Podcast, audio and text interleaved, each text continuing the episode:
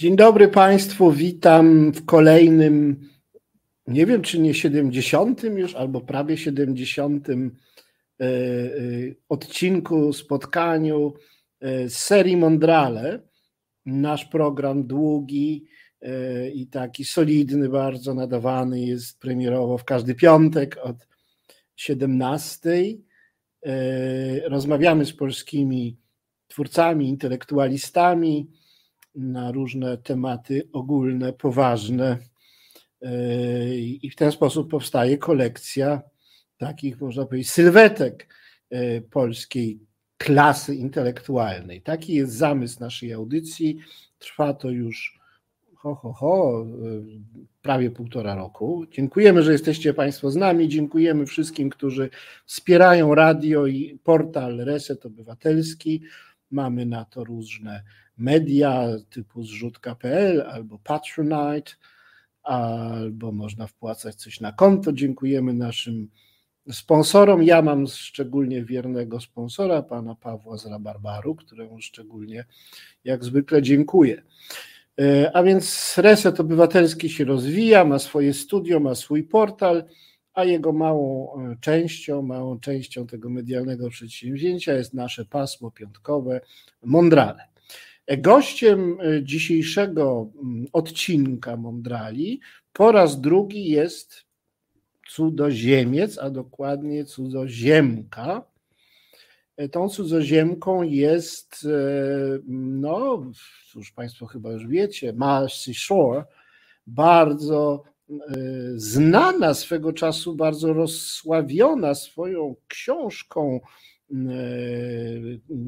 pod tytułem popiół i, i, i to się nazywało, popiół i, i, i, diament, kawior i diament, popiół i diament to był film, e, a to mhm. jest e, kawior i popiół, książka, e, która wyszła jakieś w 2008 roku, poświęcona romansom z komunizmem różnych polskich i polsko-żydowskich pisarzy, nie wiem, Broniewski, Tuwim, Wanda Wasilewska i inni. E, ta książka narobiła bardzo dużo zamieszania w Polsce. E, I od tego czasu e, Marcy Shore, no, można powiedzieć, konkuruje ze swoim małżonkiem Timothy Snyderem o to, kto jest bardziej sławnym w Polsce. Tak czy inaczej, oboje są no byli tak mili, że stali się w jakiejś mierze polonistami czy specjalistami od Polski. Zajmują się wschodnią Europą jako historycy. E, pani Masi jest bardziej może literaturoznawczynią, historyczką idei, jak to się w Polsce czasem mówi. Mm, e, po angielsku to nie wiem, jak to powiedzieć, ale intellectual history of Eastern Europe, tak chyba można by ten zawód określić. E, ja muszę powiedzieć, że jestem bardzo dumny, że są e, osoby bez polskich korzeni, które się zajmują e, Polską. Mam poczucie, jak wszyscy Polacy, że jesteśmy na końcu świata. Znaczy, nie wszyscy, którzy myślą, że są pępkiem świata, ale to jest kompleks od takiego nadmiernego poczucia własnej wartości do jakiegoś kompleksu niższości jest niedaleko. Y, tak naprawdę wszyscy mamy poczucie, że coś z nami jest nie tak i że y, to dziwne, że ktoś się nami może interesować i zajmować, a jednak coś takiego jak polonistyka mm, uprawiana przez niepolaków czy ludzi, którzy nie, nie mają polskich korzeni, istnieje. No i oczywiście istnieje jakaś y, międzynarodowa historia tego regionu i nie tylko Polacy, y, czy, czy Rosjanie, czy Czesi, czy Ukraińcy się tym regionem zajmują. Więc o, o, najpierw wielkie dzięki dla Pani, którą zaraz zobaczymy, że się w ogóle nami zajmuje. Będę chciał o to zapytać, ale jeszcze parę słów chcę powiedzieć o Pani Marcy Shore. Ponieważ ta książka, którą zasłynęła w Polsce, nie jest jedyną, bynajmniej jaką napisała. Yy, poza różnymi artykułami, e, napisała też książkę e, The Taste of Ashes, czyli smak popiołu, czy popiołów. Taką książkę o tym, jak e, zaszłości totalitarne, nazistowsko-komunistyczne odbijają się w życiorysach już wolnych krajów, jak Polska czy, czy, czy Czechy, i no jak te, te, te traumy przeszłości dają sobie znać. Trzeba powiedzieć, że w dużym stopniu i te książki, i artykuły pani Marcy Shore dotyczą mieszkańców wschodniej Europy, zwłaszcza Polski, z mm, no, tym, jak to z angielska się po polsku zaczęło mówić, background żydowskim.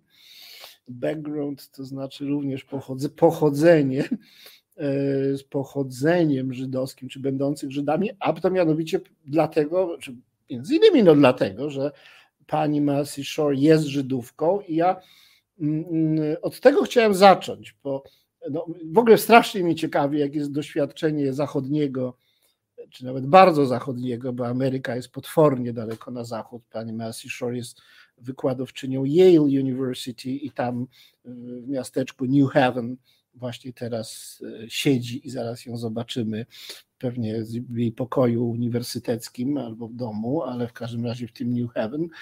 I ja tutaj mam otwartą angielską wersję Wikipedii i tutaj ten taki wstępny życiorys pani Marcy Shaw e, kończy się słowami Shaw is Jewish.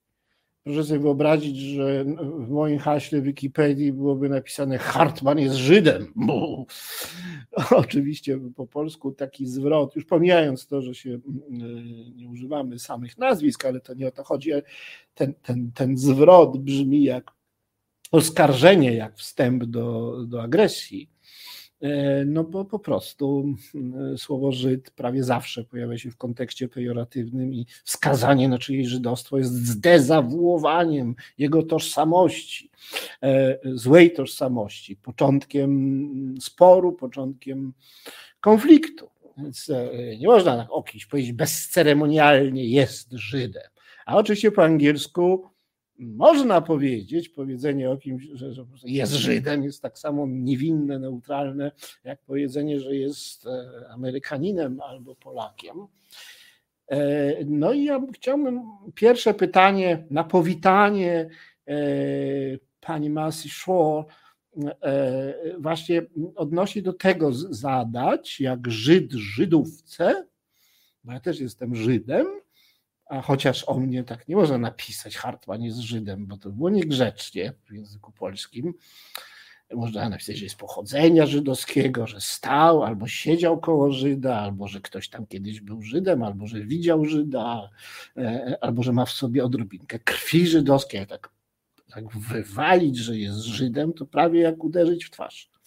No, ale żarty żartami, ale pytanie chciałem zadać właśnie takie. Jak pani znosi to, że w pani ulubionych wschodnioeuropejskich krajach i społeczeństwach, na czele z Polską, bo rozumiem, że Polska jest specjalnym pani fokusem. My teraz mamy bardzo dużo anglicyzmów w języku polskim, więc ja sobie je będę, będę sobie ich używał, e, bo dzisiaj wolno w rozmowie z Amerykanką, więc rozumiem, że pani special focus to jest Polska, więc lubi pani jakoś Polaków, no ale nie może pani lubić antysemitów. To moje pierwsze pytanie jest takie, no jest, ma pani za sobą kilka dekad zajmowania się Polską, patrzy Pani z zewnątrz, czy widzi Pani jakiś postęp, e, mm, czy jest tego antysemityzmu mniej? O, dzień dobry, widzę, dzień widzę, dobry. widzę.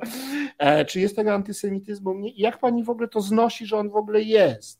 Że on jest taki jak gdzieś tam naprawdę na głębokiej powiatowej prowincji w Ameryce, a, u nas jest do tego stopnia, że w Wikipedii nie można napisać, że e, e, Marcy Shore jest Żydówką, bo, bo to by było odbierane jako niemalże obraźliwe. Jak pani, jak pani się z tym żyje, że Polska jest jaka jest? Aha, no najpierw dziękuję za zaproszenie. Um, sama nie przyszło mi do głowy, by czytać swoją stronę na Wikipedia, więc to jest pierwszy raz, że dowiedziałam się, co, co tam jest napisane. Oczywiście nie mam pojęcia, no, kto to napisał, bo Wikipedia jest taka, że to jest raczej anonimowo. To ciekawe, że Marcy Shore jest Jewish. Właśnie nie wiem, czy jest też po angielsku w tym szczególnym kontekście coś nie wiem, czy pejoratywnego czy nie? No to ciekawe pytanie. Um, w każdym razie, no tak, jestem Żydówką, um, jestem amerykańską Żydówką.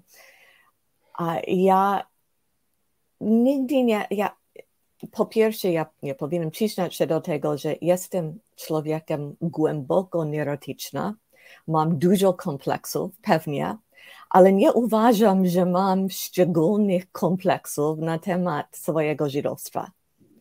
No, dla mnie to zawsze było coś, know, tak jak Hannah Arendt opisuje w swoim słynnym liście do Gershoma Scholema, że to dla mnie żydowstwo jest, on, on mówi Gegebenheit, daność, um, to jest no, fa faktualność, to jest po prostu jedno to, co jest.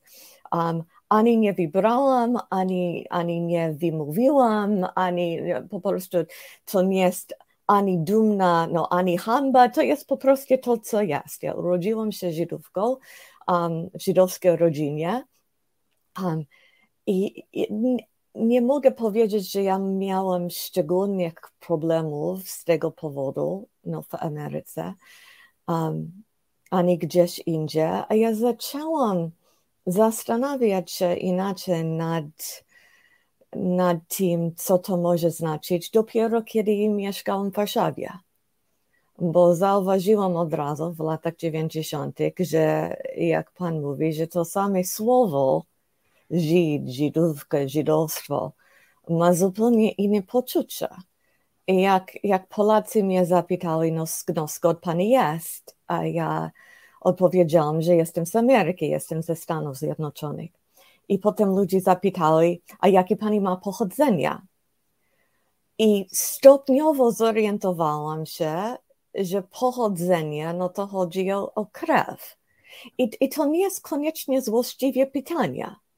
To jest po prostu taka informacja, że odnosiłam wtedy wrażenie, że ludzie potrzebowali niby te informacje, żeby się zorientować, z kim mają do czynienia. Nie, niekoniecznie z powodu tego, że mają antysemickie skłonności, to jest po prostu niby potrzebna informacja. Więc ja zaczęłam wtedy w latach 90. zastanawiać się nad tym słowem no, pochodzenia, bo w Ameryce to jest ogólnie, to jest ogromnie proszczenia, ale w Ameryce ta rola które chyba no, odgrywała bardzo długo um, no, ludność żydowska, to jest raczej ludność afroamerykańska u nas. Um, nasz amerykański racyzm skoncentruje raczej na, na ludzi, którzy mają no, skoro czarny. Um, I żydowstwo to było raczej kategoria religijna. Um, ja wychowywałam się w rodzinie do pewnego stopnia pobożna, nie aż tak jak pokolenie moich, moich dziadków, um, ale do pewnego stopnia no, konsekwentnie praktykujące. Ale już będąc nastolatką, zdecydowałam się, że nie wierzę w Boga, um, że w każdym razie nie jestem pewna, czy jest Bóg, że jestem agnos, agnostyczka. Um, I pod tym względem ja uważam, że to żydostwo już nie ma, że nie utożsamiam się u nas Żydami pod tym względem, że, że nie praktykuję. A jak mieszkałam w Polsce, ja zrozumiałam, że utożsamiam się z Żydami bez względu na to, czy chodzę do synagogi, czy nie, bo w ogóle to nie ma niczego wspólnego z żydowstwem do pewnego stopnia. Um, I to była wielka zmiana dla mnie i chyba z tego powodu dosyć często, jak jestem w wschodniej Europie, znajduję się w sytuacji, w której mówię wprost, że jestem Żydówką, jestem amerykańską Żydówką. No, po prostu, żeby powiedzieć otwarcie na wprost, żeby wszyscy mogli się zorientować, jak, jak by chcieli. I w Stanach bardzo rzadko, nie z powodu tego, że to jest tajemnica, po prostu z powodu tego, że raczej nikogo nie obchodzi. Ale oczywiście ten człowiek, który nam napisał tę stronę Wikipedia ode mnie, um, to go obchodzi. Um, a ja może bym dodała jeszcze coś, bo ja ja mam no, dosyć to dużo doświadczenia no, przez lat polskiego antysemityzmu, um, ale też mam dużo doświadczenia polskiego anty-antysemityzmu. Um, I no, rzecz jasna, że ja nie byłabym aż tak przywiązany do Polski. Ja nie, nie wracałabym przez cały czas do tego kraju, do którego czuję się bardzo przywiązany. No, gdyby miał do czynienia wyłącznie z antysemitami, to by było masochistycznie. No, może no, mhm. każdy z nas ma swoje skłonności masochistycznie, ale, ale no, w tej sytuacji wydaje mi się, że w ogóle nie mam. Ale kiedy może 20 lat temu już ja prowadzałam seminarium na Uniwersytecie Indiany na temat um, polsko-żydowskich stosunków. I jeden student, on miał może 19 lat i on był żarliwym sionistą. Młodym oczywiście bardzo, um, młodym Żydem. I on chodził na moje seminarium.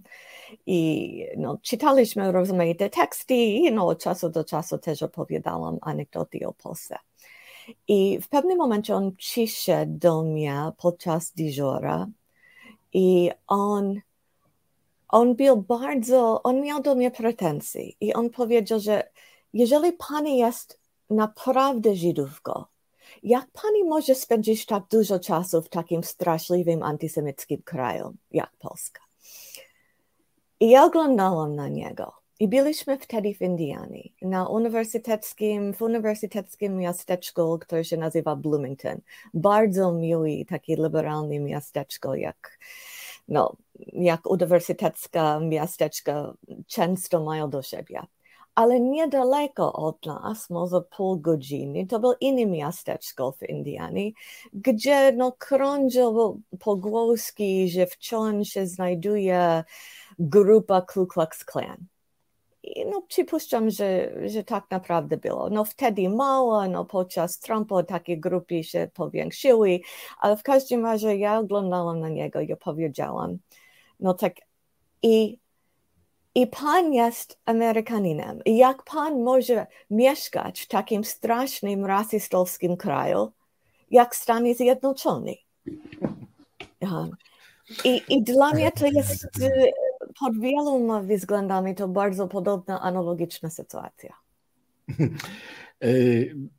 Jeden z naszych słuchaczy, pan Tomasz Szyndralewicz, napisał słusznie, w głowach miejscowych ksenofobów pojęcie amerykański Żyd wprowadza zamęt, bo amerykański to dobrze, a Żyd to źle.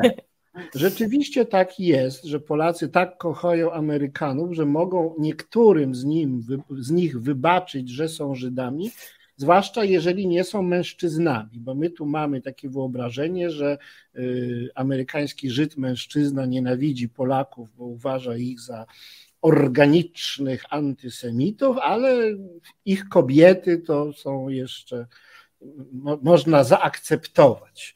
Więc e, amerykańska Żydówka to jeszcze ujdzie w Polsce, natomiast polska Żydówka czy polski Żyd nie bardzo się nadaje ani do Ameryki, ani do Izraela. Bywam w Izraelu, ale już mi uszy puchną od pytań, dlaczego siedzę i mieszkam w takim antysemickim kraju i nie robię alii. E, więc no, no, w różnych częściach świata niełatwo być Żydem, ale no jednak na, w anglojęzycznej Wikipedii można napisać e, he is Jewish, a mm, w polski on jest Żydem, to nie Jewish czy Jew, nie brzmi jak epitet w języku angielskim, jak, on, jak obelga, a w wielu językach mm, e, ekwiwalent mm, słowa Jew tak brzmi i Żyd po polsku też Zwłaszcza, że jest na ży, a na ży to są nieprzyjemne rzeczy, jak żaba na przykład. E, brzmi to źle i wielu ludziom, pewnie o tym pani wie, wydawa, wydawało się, że to jest tak pejoratywne określenie, że trzeba dla Żydów wymyślić inne słowo. I próbowano nas nazywać starozakonnymi, no ale na szczęście to się nie, nie przyjęło. Teraz się próbuje z cyganami tak robić i nazywać ich Romami. E, ale mniejsza o to. Dobrze, to już mamy temat e, nasz prywatny, żydowski zamknięty.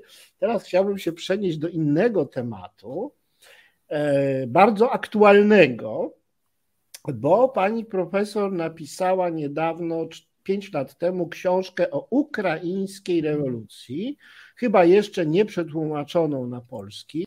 Jest, jest. Jest przetłumaczona, a to przepraszam, to po angielsku się nazywa The Ukrainian Night, no. An Intimate History of Revolution.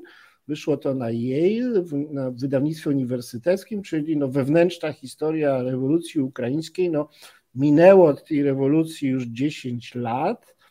E, e, moja, moje pytanie do Pani jako znawczyni Ukrainy no jest takie, jak pani e, ocenia mm, e, tę epokę od rewolucji do e, wojny? Czy widzi pani organiczny wewnętrzny związek między aspiracjami demokratycznymi, emancypacyjnymi Ukrainy, a rosyjską agresją?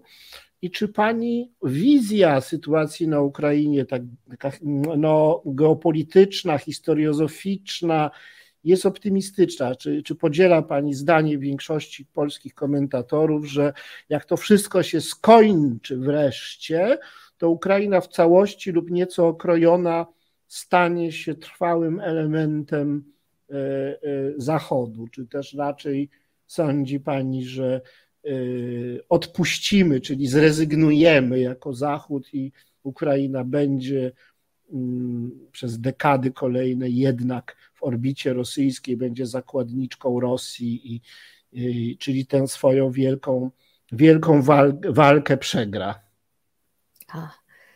No najpierw ja mam powiedzieć, jestem historyczką, nie jestem um, prorokiem, więc jestem, można mieć do, do historyków zaufanie naprawdę tylko jeżeli chodzi o przeszłość, um, jeżeli chodzi o przyszłość, to co wiem z punktu widzenia historyka jest to, że wszystko jest możliwe. Wszystko mhm. jest zawsze możliwe. Um, też bym dodała, że, że ta książka Ukraińska Noc um, została przetłumaczona przez Marcina Schustera, który w ogóle jest genialnym. Um, to jest już trzecia książka um, moja, no, którą on przetłumaczył. Uh, krytyka polityczna uh. I to jest właśnie dzięki, dzięki Marcinowi, że jeżeli dobrze brzmi po polsku, to jest dzięki Marcinowi. Um, jestem jednak ostrożnie, optymistycznie, mimo to, że jestem katastrofą neurotyczna z charakteru. Um, ja boję się, że świat może się skończyć uh, w każdym momencie. Um, no, nie, niedawno no, Ann, Ann Applebaum, um, no, którą pan pewnie zna, um, ona, ona miała zamiar no, przyjechać do New Haven, na, napisała do mnie, że no, no, będziemy no, za dwa tygodnie, niech zrobimy rezerwację um, w restauracji no, na kolację. I ja odpisałam, że przecież no dwa tygodnie, no po co zrobić rezerwację, no świat może łatwo nie istnieć, no za dwa tygodnie, to no, wojna w Ukrainie już właśnie zaczęła. Um, i ja miałam poczucie, że wszystko jest tak skrajnie niestabilne, że w lada momencie no, wszystko może się skończyć. No i Anne bardzo, ona jest osobą no, o wiele spokojniejsza um, niż ja z charakteru, nie tak neurotyczna. A ona, na wszelki wypadek, niech zrobimy rezerwację. um, um, i to, no, to było dobrze, bo ja, ja cieszę się, że miałam okazję rozmawiać z nią, rozmawiać z Radkiem. Oni są absolutnie przekonani, um, że Ukraina wygra. Um, I ja, ja chyba też jestem po swojemu, do takiego stopnia, że jestem w stanie nam nie być aż tak fatalnie neurotycznie jak zawsze. Ja byłam pewna tylko jednego na początku wojny. I to było to, że jeżeli będzie napad, na Ukrainie. Ukraińcy będą walczyć. Byłam z tego absolutnie przekonana. Um, nie miałam no, żadnej szczególnej wiedzy no, na, na temat broni, na temat wojska. W ogóle nie znam się na wojskowych rzeczach. E, pamiętam, że w tygodniu zaraz przed inwazją ja pracowałam z redaktorką w um, Wall Street Journal na tekstem o Ukrainie. Um, I czy to był moment pełny napięcia, bo nie wiadomo będzie, no czy będzie inwazja, czy nie będzie inwazja, czy Putin się waha, czy Putin nawet ma jakiś plan, czy on improwizuje, czy on jest wariatem, czy on jest bardzo chytry, no wszystko nie wiadomo. Um, ja, ja nie chciałam, ja absolutnie nie chciałam prorokować, bo nie jestem zdolna do tego, um, ale powiedziałam, że jestem pewna, że w razie inwazji Ukraińcy będą walczyć, a ona zapytała, no a skąd jesteś pewna? I powiedziałam, że po prostu wiem. I ja nie, nie mogę chyba do końca wytłumaczyć, ale byłam pewna, no czy uda się, czy nie. No, jakie są technicznie, materialne you know, um, warunki. Nie, nie znałam się na tym w ogóle, ale to, że będą walczyć, byłam absolutnie przekonana. Um, ja i teraz patrząc i patrząc też na zareagowanie Amerykanów, które jak, jak dla Amerykanów jest absolutnie niezwykle, że u nas nie pamiętam, że w moim życiu u nas, że ludzie w wschodniej Europie tak poważnie byli traktowani że naprawdę ludzie podziwiają Ukraińców. Że jak rozmawiam z różnymi, z rozmaitymi publicznościami, i to jest mniej więcej wszystko, co zrobiłam od momentu początku wojny, ja nigdy nie miałam takiej uwagi od amerykańskiej publiczności, takiego podziwu um, takiej intensywnej koncentracji, takich dobrych pytań od dziennikarzy, że to jest naprawdę moment, w którym ludzie się Boże. To, co Zelenski zrobił na początku tej wojny, kiedy Amerykanie zaoferowali ewakuować go i on powiedział, że nie, że ja pozostanie. I ten słynny video, no ja, prezydent, tut. To już jest nawet u nas chyba legendarny. To był jakiś egzystencjalny przełom. Oczywiście to nie ma, nie ma nic w związku z broniami, z, z tragedią. Ja nie jestem w stanie przewidzieć, no, czy wysyłamy no, taki zbron, albo no, taki, o taki, o taki myślewiec, albo samolot. Nie mam pojęcia. Ale to, że on, on podjął taką decyzję, no tak, ja pozostanie tu. My będziemy walczyć. A to było coś wyjątkowego. Ja jestem bardzo zazdrosny, bo Ukraińcy ukradli nam, Polakom, show. Bo to myśmy byli w 80 roku, 89, myśmy byli e, e, tą wolnościową awangardą wschodniej Europy. Ba, wschodniej, tylko czegoś więcej, Europy, e, bo, bo nie lubimy być we wschodniej Europie. Polska chce być gdzieś w jakiejś centralnej, e, e, a bo jest geograficznie w środku, bardzo nie lubi być we wschodniej. A teraz jeszcze Ukraińcy w ogóle są ważniejsi od Polaków. Nagle Amerykanie się dowiedzieli, że są Ukraińcy i że są tacy duzi i dzielni, a a o nas to już w ogóle nie myślą, tylko do, do, dla nas mają Polish jokes, a, a dla Ukraińców mają poważanie. No więc bardzo jesteśmy zazdrośni i mamy nadzieję, że sława Ukrainy nie przyćmi sławy e, Polski. Także to, nie mówię serio, między, między narodami e, wschodnioeuropejskimi jest dość silny antagonizm, konkurencja, E, jakieś takie wzajemne uprzedzenia. E, Polacy z Ukraińcami się nie lubili nigdy. Teraz się, no, no teraz się lubią, bo jest mm, wojna, ale zobaczymy, jak to będzie, jak to będzie dalej. No, myślę, że połowa Polaków jakoś tam się angażuje w, w, pomoc Ukrainie, to jest, to jest bardzo, bardzo dużo. No właśnie, dla Amerykanów nasz region stał się taką przestrzenią, w której dominuje Ukraina. Mm. Kiedyś było tak, że to była taka przestrzeń, w której dominuje e, Polska, a sławny był Wałęsa, nie, a nie, nie Zełęński. No, przepraszam za, te, za te wy, wy, wyraz niecnych, niecnych, e, niecnej zawiści, resentyment, ale no, no po prostu tak myślimy, no tak, tak mamy takie, takie poczucie zazdrości, że nie, nie, nie my jesteśmy teraz duzi i ważni.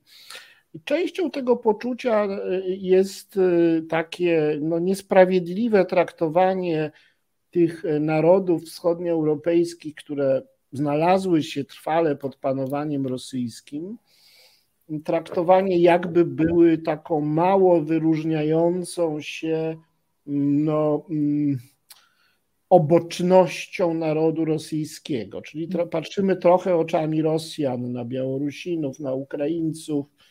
E, jeszcze kilka lat temu przeciętny Polak nie bardzo wiedział, że mm, mówił, mówił Ruscy w znaczeniu mm. wszyscy e, mówiący po rosyjsku, białorusku, ukraińsku, tych języków zupełnie nie odróżniał. I było mu zupełnie wszystko jedno, czy dana osoba jest narodowości e, ukraińskiej czy rosyjskiej i nie widział w tym żadnej różnicy i nie obchodziły go jakiekolwiek aspiracje e, kulturowe i polityczne, emancypacyjne, czy to Rosjan, czy Białorusinów, czyli no, patrzyliśmy na wschód oczami rosyjskimi. Tak można powiedzieć, z tą różnicą, że dla wielu Rosjan Ukraińcy to bracia, a Polacy nigdy tak o Ukraińcach nie myśleli. Teraz myślą, że Ukraińcy są na tyle blisko i na tyle podobni, że jak im się dzieje krzywda ze strony Rosji, to może zaraz się krzywda nam wydarzy. Dlatego bardzo się e, te, e, tą sytuacją e, przejmujemy. No więc chciałem, no już pomijając tę naszą zazdrość, no już nie będzie, nie będziemy na, na świeczniku, nie będziemy Beniaminkami, pupilami, Chciałem zapytać, czy u Pani tak było, że kiedyś dawno temu Polska była bardzo ważna dla Zachodu z powodu Solidarności, e, zwłaszcza z powodu tej pierwszej Solidarności, jakkolwiek to może to są czasy no, dzieciństwa Pani, no więc może raczej może tej, nie wiem, drugiej, 89, ale czy te wydarzenia, w których Polska rzeczywiście przodowała, wydarzenia roku 89, powiedzmy, miały wpływ na to, że pani się zainteresowała Polską. Jak to w ogóle jest? Bo teraz, że będą e, e, nowi, nowe pokolenie badaczy, ukrainologów wszędzie w świecie, to ja, to ja to rozumiem. E, ale chciałbym się dowiedzieć, jaka była pani droga do tego, do polskości. No, no to dwie rzeczy tutaj. Um, najpierw chyba to, co w ogóle jest niedoceniane w Europie. W Europie w ogóle, w Polsce, w Ukrainie chyba szczególnie, to jest poziom samozaabsorbowania Amerykanów. Bo ciągle już od 30 lat mnie zapytano, a co mówię o nas w Ameryce? Um, był, była rozmowa z historykiem Antonim Polonskim, no historykiem um, polsko-żydowskiej historii, genialny, um, w Midraszu, w czasopiśmie wtedy zredagowany przez Kosta Geberta w latach 90. I, I wtedy zapytano Antonego, czy to prawda, że na Zachodzie myśli się o Polsce jak o kraju antysemickim i Antoni na to, to prawda, że na zachodzie w ogóle o Polsce się nie myśli. I on miał doskonałą rację, i, I to jest na zachodzie w ogóle, to jest jedna rzecz, ale Ameryka, Stany Zjednoczone to jest ogromny kraj. To jest ogromny kraj, gdzie przeważnie ludzie mówią tylko wyłącznie po angielsku. Reszta świata ma istnienie bardzo miglistie tylko dla większości Amerykanów. No, większość Amerykanów nigdy nie posiadała paszportu. Więc to jest poziom tego, jak u nas ludzie myślą wyłącznie o siebie. Że Europejcy konsekwentnie nie doceniają tego. Um, że nie chodzi o to, że, no, że, że jakieś wrażenie, że odczucie jest negatywne, jest pejoratywne, to jest po prostu reszta świata, czy w ogóle istnieje, to nie do końca jest prawdziwe istnienie. No, Amerykanie myślą wyłącznie o sobie. No, przeważnie. Więc to, że nawet udało nam się, i tutaj mówię nam, nie tylko mnie, i, no, i ja i mój mąż, ale też nasze przyjaciele, koledzy, którzy zajmują się um, środkowo-wschodnią Europę, który zajmuje się historią Związku Radzieckiego i tak dalej. Nasz slawiści. Jesteśmy teraz bardzo zaangażowani i to jest niesłychanie poziom uwagi. Chyba po raz pierwszy, no przynajmniej w moim życiu. Ja byłam za młoda no, podczas pierwszej Solidarności, żeby docenić. I to, no to, więc druga rzecz, to moja osobista droga um, to jest historia pokoleniowa. To ja miałam 17 lat w 89 roku. I to był dramat tego momentu, który był tak niesłychanie oczarujący. Bo to ten żelazna kartina, która niby miał być na zawsze, świat zamknięta, cały część świat przez cały czas zamknięty. Nie, mia, nie miałam wtedy pojęcia, co jest po tej drugiej stronie. Po prostu wiedziałam, że jest ta część świat, która jest zamknięta, że jest ten zła imperia, um, że nigdy tam, nigdy tam nie będziemy, że to jest po drugiej stronie no, czegoś. I nagle z jednego dnia na drugi wszystko się odwróciło i to samo odwożenie było bardzo uwodzicielskie. Szczególnie dla amerykańskiego nastolatka, który się wychowywał w takich uh, nudnych, burżuazyjnych przedmieściach. Um, więc kiedy ja pojechałam no, do Pragi po raz pierwszy w 1993 roku, już będąc studentką na uniwersytecie, no Praga była pełna Amerykanów dokładnie mniej więcej w moim wieku, z tego samego powodu. To było zjawisko pokoleniowe. My wszyscy chcieli tam pojechać, um, bo to było tak ekscytujące, że nagle coś się odważyło. Drzwi są otwarte, nie wiadomo dokąd, ale drzwi są otwarte.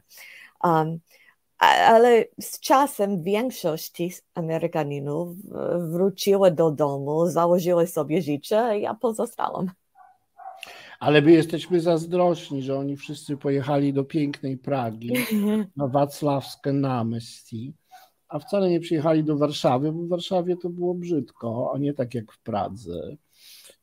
I, i nikt sobie tam specjalnie nie robił w Ameryce z tego mm, subiekcji, że e, to jednak w Polsce najpierw było, że Polska jest kilkukrotnie większa od Czech. Po prostu tam był Havel, postać kulturalna, Praga, miasto piękne, e, a tutaj cóż, no to takie trochę pustkowie ta Polska. Tym bardziej się cieszymy, że w ostatecznym rozrachunku wybraliście e, Polskę czy Polskę plus Ukrainę. No, rozumiem, że no, dla historyka powiedzmy, historia Czech to jest trochę bardziej, to jest marginalna historia Niemiec raczej, a, a dla, dla historia Polski to jest marginalna historia mm, Rosji w dużym uproszczeniu. Jednak jesteśmy zwróceni ku wschodowi historycznie, a nie ku zachodowi. To jest bardzo smutne. Chcielibyśmy, żeby to było inaczej. To jest fascynujące, że możliwa taka zewnętrzna perspektywa pozbawiona kompleksów. A bardzo mi miło, że jest ktoś bez kompleksów którymi tutaj kipimy, ja kipię, który, kto sobie Janami się zajmuje. To bardzo jest takie terapeutyczne. Za chwilę zagramy piosenkę, ale po piosence chciałbym yy, zapytać Panią yy, o to, czym się Pani teraz zajmuje, ponieważ przeczytałem w internecie, że ma Pani taki projekt, którym jest ważne dla mnie słówko fenomenologia i że pani coś pisze o fenomenologii w Europie Wschodniej. A ja kiedyś napisałem książkę o Romanie Ingardenie, takim a, polskim aha. głównym fenomenologu. Zjechałem e, z góry na dół e, projekt Ingardena pod tytułem Spór o istnienie świata. Napisałem na ten temat książkę, która wyszła 30. O tak, 30 lat temu wyszła ta książka. Z tego powodu znam pana nazwiska. Nawet, mi, aha, ta, nie, nawet mi się nie kojarzyło. Nie, kiedy... nie spotkałem się jeszcze z tym, żeby ktoś znał mnie akurat z tego powodu. E, e, generalnie mnie znają. To dzień dobry, muszę się pochwalić, że generalnie mnie w tym kraju znają, e, e, to znaczy tacy bardziej czytający e, mnie znają, ale jest Pani zdecydowanie pierwszą osobą, która kojarzy mnie z tym, że się zajmowałem fenomenologią Romana Ingardena. No właśnie, teraz piosenka, a potem bardzo proszę o mm, opowiedzenie o swoich zainteresowaniach mhm. fenomenologią, czyli pewnym nurtem filozofii. Gramy. Pada gorączka emocji, siedmiodniowe objawy ustępują, czynności życiowe stabilizują się. Wtedy ze spokojem, bez pośpiechu, bez nadęcia można na chłodno podsumować ostatni tydzień. Marcin Celiński, choć bez kitla, wraz z gośćmi postawi diagnozy, skonsultuje się z widzkami i widzami, a czasem wypisze receptę na przetrawienie kolejnego tygodnia. Rozmowy Celińskiego w niedzielę od 19. Dzień dobry Państwu, witam w drugiej części dzisiejszego programu Mondrale, którego gościem jest pani Marcy Shore z e, Uniwersytetu Yale e, w New Haven e, w Stanach Zjednoczonych.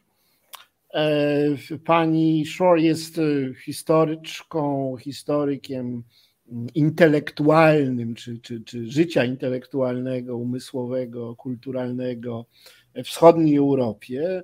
Jest, można to powiedzieć tak bardzo ogólnie, historyczką slawistką, e, ale również, jak widzę, historyczką filozofii. Znaczy, to jest moje pytanie, mhm. jest historyczką mm, filozofii ponieważ no, zajmuję się teraz e, fenomenologią w Europie Wschodniej, to ja w ten sposób to rozumiem, że chodzi o takich ludzi jak Ingarden czy Patoczka w Czechach, to mm. tacy najbardziej znani, e, uczniowie bądź uczniowie uczniów niemieckiego filozofa Edmunda Husserla, e, takiego ważnego bardzo przedwojennego filozofa, który założył taki nowy nurt filozofii, zainicjował, nazywany y, przez niego fenomenologią.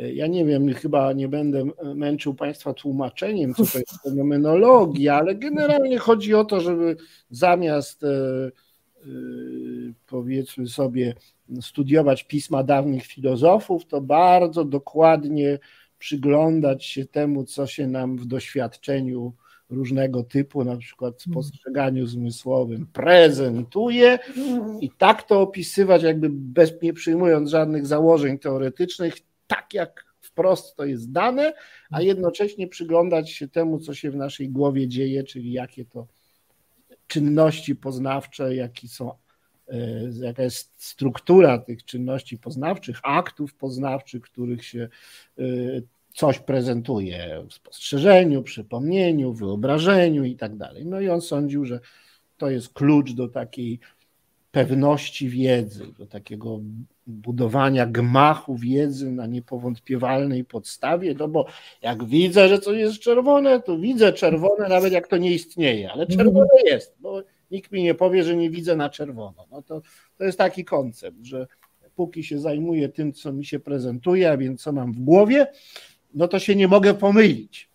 No i, i taka, taki był plan Edmunda Husserla i z tego wyrosła taka fajna filozofia, która już może tych aspiracji nie chce realizować, których myślał Husserl, ale nauczyła się niezwykle skrupulatnie, dokładnie opisywać i nazywać różne zjawiska. I, I, to jest taki duży pożytek, ta, e, e, ta władza opisywania, ta wyrafinowana zdolność dokładnego opisywania doświadczeń, zjawisk. E, to jest taka, no można powiedzieć, dziedzictwo scheda tej, tej dawnej fenomenologii. A w Ameryce słowo fenomenologia jeszcze większą karierę zrobiło. No właściwie prawie każda taka humanistyczna filozofia inna niż filozofia analityczna, czyli taka skupiona na kwestiach logicznych i językowych, nazywa się phenomenology. I Amerykanie bardzo lubią to słowo, bardziej częściej go używają niż, niż Europejczycy. To tytułem wstępu, żeby e, wszyscy wiedzieli, o czym mówimy. No i wracam do pytania, na czym polega Pani projekt naukowy związany z fenomenologią w Europie Wschodniej? Mm, to jest bardzo długa historia. Ja, ja też chciałbym Ci okazję no, słyszeć, co pociągnęło Pana um, w fenomenologię, bo to jest, to jest też dla nas wszystkich trochę niezwykle. Dla mnie to jest integralna część tej samej historii pokoleniową, pokoleniowej, um, przez której you know, przyjechałam do tej części świata. Um, to było odczarowanie no, tego momentu 89 roku. Um, I jak no, nastolatki mają to do siebie, że łatwo się od, od, odczarować. Um, I oczywiście no, wtedy Praga no, była bardzo piękna. Um, a, ale mogłabym na marginesie dodać, że kiedy przyjechałam z Pragi do Warszawy po raz pierwszy w 1995 roku z kolegą, no tylko na weekend, no żeby no, była tylko wizyta, jak podróżowania i no jak pan wspomniał, no Warszawa wtedy nie była piękna, to była szara, ponura, brzydka, ale to było coś w tej brzydkości, które uważałam za niesłychanie pięknego i od, mhm. razu, od razu się zakochałam. No, to było coś niesłychanie pociągającego um, w tej Warszawie w latach 90. To coś w tej szarości. Um, I to miało też związku, chyba trochę pośrednio, um, z tą fascynacją filozofią, um, filozofią. Bo najpierw ja zaczęłam czytać Havla, bo Havel oczywiście to jest postać bardzo romantyczna, ale nie tylko, bo Havel została przetłumaczona genialnie przez Paula Wilsona. A to też jest historia o rolę tłumaczy. Bo gdyby Paul tak wyjątkowo pięknie nie, nie przetłumaczył Havla, chyba no, moje całe życie by się toczyło zupełnie inaczej. Ale ja zaczęłam czytać te eseje w jego przetłumaczeniu. I ten język, ten język filozoficzny, um, bardzo mnie pociągnął. I bardzo, bardzo stopniowo, to jest bardzo długa historia. Zro... Najpierw ja po prostu uważałam, jak większość Amerykanów, że no dobrze, to jest dobry człowiek, on był działaczem na rzecz um, prawa człowieka, to znaczy, że on jest dobrym, liberalnym demokratą, to znaczy, że on jest tak sam jak mi, że no pewnie on, on czytał, you know, Hobbes, Locke, Rousseau, Tocqueville, no, Madison, no tak samo jak mi. To, to jest cała historia liberalizmu. I stopniowo zrozumiałam, że ja zakochałam się w tym języku właśnie z powodu tego, że to był inny język. Że to nie był język liberalizmu, um, który studiowałam będąc studentką że to było coś innego. Um, I ta inność była uwodzicielska. I stopniowo zorientowałam się, że ten język niby po, pochodził do Hawla przez Patoczki. Więc zaczęłam no, czytać Patoczkę, potem no, przez Patoczkę, Heideggera, przez Heideggera, Husserla, no, wszystko w bardzo jako dziwacznie, odwrotny sposób. Um, ja stopniowo zaczęłam no, odkrywać um, tych, filozofów. Um, więc to było to było źródło um, mojej fascynacji. I, I wtedy, w latach 90., ja zrozumiałam, że najbardziej ciekawe, głębokie pytania, jeżeli chodzi o to dziedzictwo uh, dysydentów, to chodzi o to dziedzictwo fenomenologia, dziedzictwo no, tego ruchu filozoficznego. Ale wtedy myślałam sobie, że jestem za mało mądra, żeby zająć się czymś takim, że ja nigdy nie będę w stanie no, zrozumieć, no, złapać no, Husserla, Heideggera, Hegla, um, że nie miałam tego systematycznego tła Um, to znaczy, że ja studiowałam raczej historię, trochę politologię, ale nie, nie, czytałam no tu, tam, no coś takiego, ale nie miałam jako systematycznie um, zrozumienia historii filozofii. Więc ja przez cały czas myślałam sobie, że um, ni niestety nie dam rady, niestety nie dam rady. To tylko przez lata. I to był pewien moment, i ja, ja uczyłam się czytałam bardziej systematycznie już będąc doktorantką u Hansa Gumbrakta um, na Stanfordzie, już Husserla, Ingardena, Patoczki, Heideggera. Um, ale wciąż wydawało mi się, że ja, no dobrze, coś rozumiem, ale czy naprawdę jestem w stanie. Um, I trochę później, już będąc profesorką, um, ja przyjechałam do Wiednia to chyba był jakiś pobyt uh, załatwiony przez Toniego dziada, um, który wtedy tysiąc, w 2004 wysłał mnie do Krzysztofa Michalskiego. Um, I wtedy go poznałam. Um, I pamiętam ten pierwszy wieczór, który spędziliśmy z mężem i z Krzysztofem w Wiedniu. Bardzo długi, bardzo polski wieczór, dużo wódki, um, dużo pierogów um, i Krzysztof mówiąc. Um, I w końcu już po północy on, on, on mówił o Heideggerze. Um, I zanim, zanim wyjechaliśmy, już bardzo później w nocy z mężem, um, on on mi podarował jego pierwszą książkę o, o Heideggerze. Um, z 70. Heidegger i, i, problem zła? Aha, nie, pierwszy. Nie, nie, nie, nie. jego pierwsza um, to było um, Heidegger i współczesna uh, filozofia czy coś takiego. Um, to była jego dysertacja. Tak, tak, tak. tak które on, on napisał. Heidegger i problem Złato-Wodzińskiego. Tak, tak, tak, wiemy, tak. o czym mówimy. Tak. Mhm. To, to zostało wydane po raz pierwszy w 1979 roku. Mhm. Um, i, I wtedy, może nawet tej samej nocy albo następnego dnia zaczęłam czytać. I po raz pierwszy coś przeniknęło, coś, coś dotarło jak bardzo głęboko do mnie. I nie wiem, czy to było kombinacja różnych powodów. To było, no może byłam trochę mądrzejsza, bo już byłam starsza. Um, Krzysztof jest genialnym pisarzem. Poza tym ja zawsze, ja uczyłam się wtedy niemieckiego. Mój niemiecki był bardzo słaby.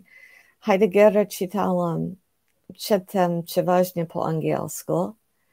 I Okazało się, że ten niemiecki tłumaczy się o wiele lepiej na polskie niż na angielski. Angielski ma za mało gramatyki. Po prostu jest ja, sein, sein jest po angielsku wszystko jest being, to jest, ale po polsku pewnie rzeczy nagle się stało mi jasnie, który przedtem nie było dla mnie zrozumiałe. Um, więc ja zdecydowałam, że wrócę, wrócę na ten temat i, i zobaczymy. No i w następnych latach zaczęliśmy czytać no, razem z Krzysztofem Husarella. Um, I kiedy Krzysztof tragicznie nieoczekiwanie umarł w 13 roku, myślałam sobie, że to już jest koniec, że nigdy nie będę, będę miała szansy, że tak dużo, tak dużo nauczył się od niego um, przez tę naszą przyjaźń, że myślałam sobie, że Boże, jak, jak dam sobie radę no, bez, bez tych rozmów. Um, no, ale w końcu zdecydowałam się, że no, skoro ja mam obsesję na ten temat no, od tylu lat, żeby napisać taką książkę, bo ja mam taką historię w głowie um, z rozmaitymi bohaterami. To trwało długo, aż wydawało mi się, że znalazłam, trafiłam na właściwą formę na, na taką książkę. Um, I zrozumiałam naprawdę, no, co chciałam pokazać, co chciałam powiedzieć. To szalenie interesujące, ale ja jeszcze dopytam, y, co w tej książce będzie i o kim ona będzie, i czy to jest mhm. książka dla ludzi, czy to jest książka akademicka. Przepraszam na ten zwrot dla ludzi, to znaczy dla wszystkich, czy, czy to jest taka mhm. książka filozoficzna. E, mm, dla słuchaczy słowo wyjaśnienia. To, o czym mówiła pani profesor, wiąże się z instytucją, bardzo ważną instytucją również dla kultury i nauki polskiej, Instytut Nauk o Człowieku w Wiedniu, którego założycielem i dyrektorem był e, filozof, profesor Krzysztof Michalski, zmarły 9 lat temu. I e, ten, ten instytut był w takim formacie który się nazywa po angielsku Institute for Advanced Studies, to znaczy nie ma na to słowa po polsku, Instytut Studiów Zaawansowanych. Chodzi o to, że tam się przyjeżdża, żeby przeprowadzać jakieś badania. E, I przyjeżdżają młodzi i starsi na krótsze i dłuższe pobyty i rodzą się tam różne projekty, książki. Ludzie się tam ze sobą spotykają e, bardziej czy mniej formalnie. I to jest bardzo zasłużona instytucja i chyba ponad 500 Polaków również hmm. E, tam się przewinęło przez Instytut. Ja również kilka razy byłem stypendystą Instytutu Nauk o Człowieku i bardzo dobrze znałem Krzysztofa Michalskiego, e, więc dobrze wiem, o czym, o czym e, pani Marcy Shore mówi.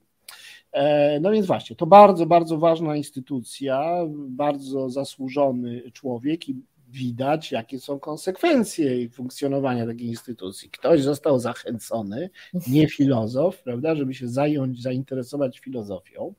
No więc kontynuuję swoje pytanie, to o czym tam będzie i a zwłaszcza o, jakie są polskie tropy i ślady y, w pani książce, która rozumiem za rok czy dwa ujrzy światło dzienne. No, mamy nadzieję, że tak. To jest bardzo długa książka. To jest, to jest bardzo długa książka, ale to ma być ewentualnie dla wszystkich i ja bardzo, bardzo się staram pisać w taki sposób. Chociaż to jest naprawdę wyzwanie, um, bo to jest bardzo dużo, bardzo gęsta niemiecka filozofia tam.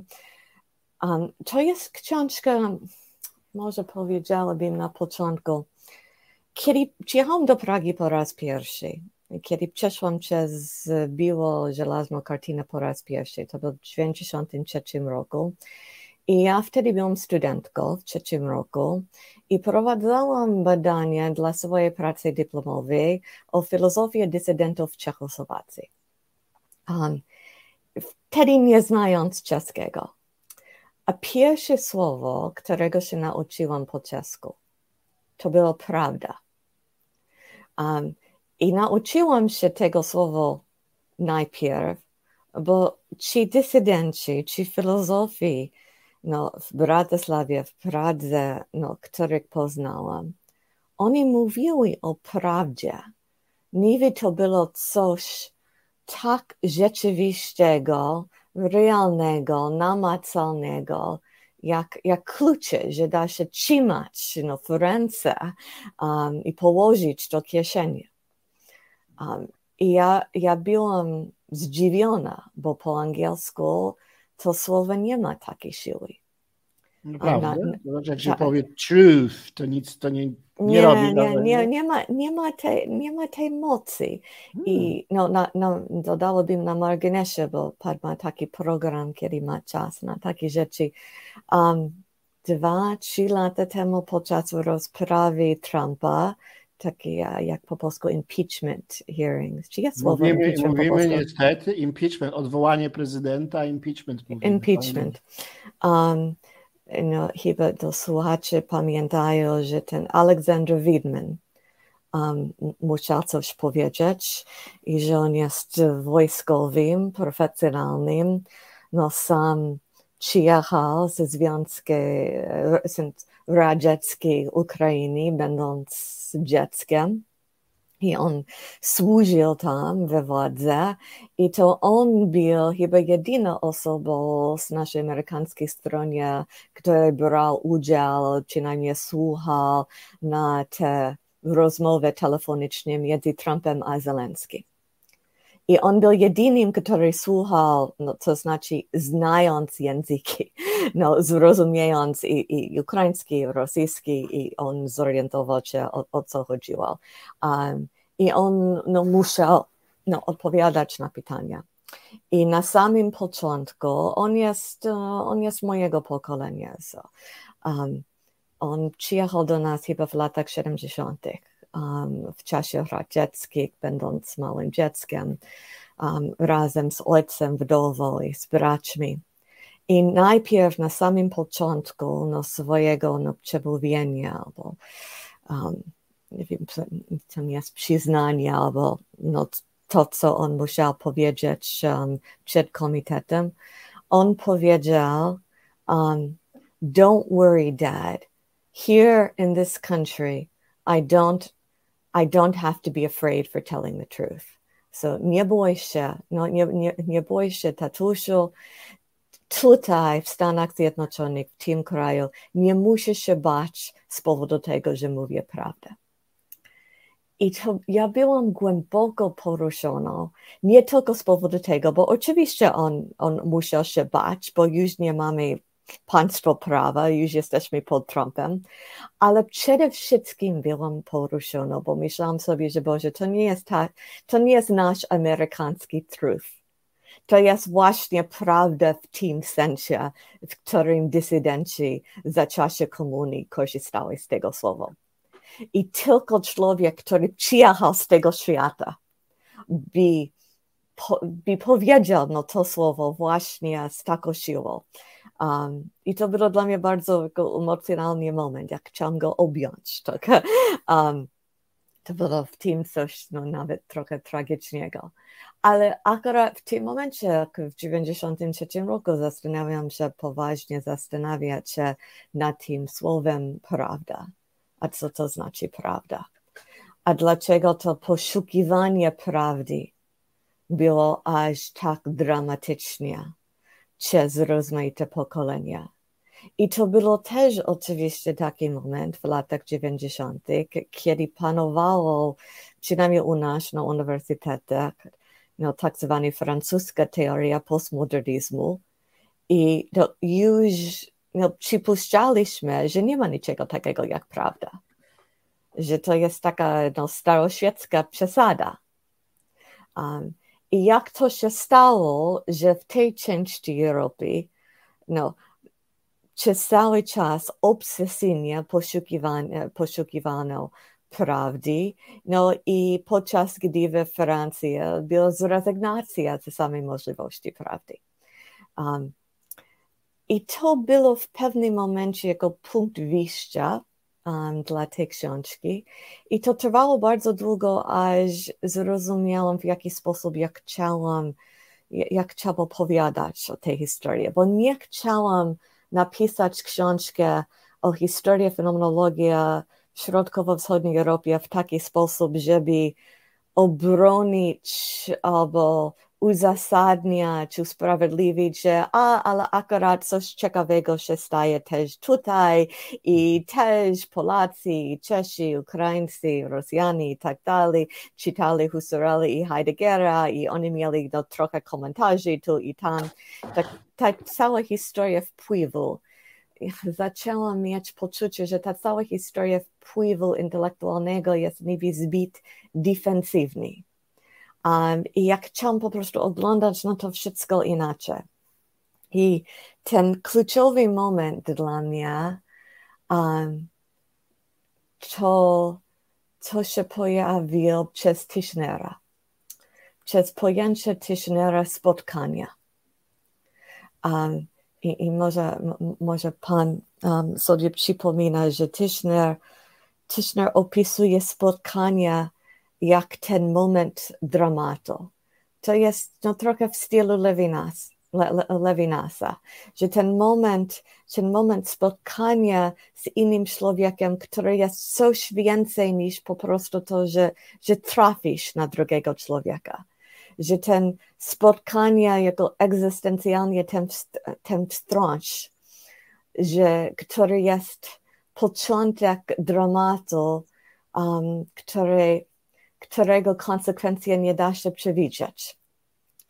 Um, I myślałam sobie, że no właśnie, to jest to, że jak chciałabym opowiadać historię bardzo skomplikowanych spotkań um, między myślicielami.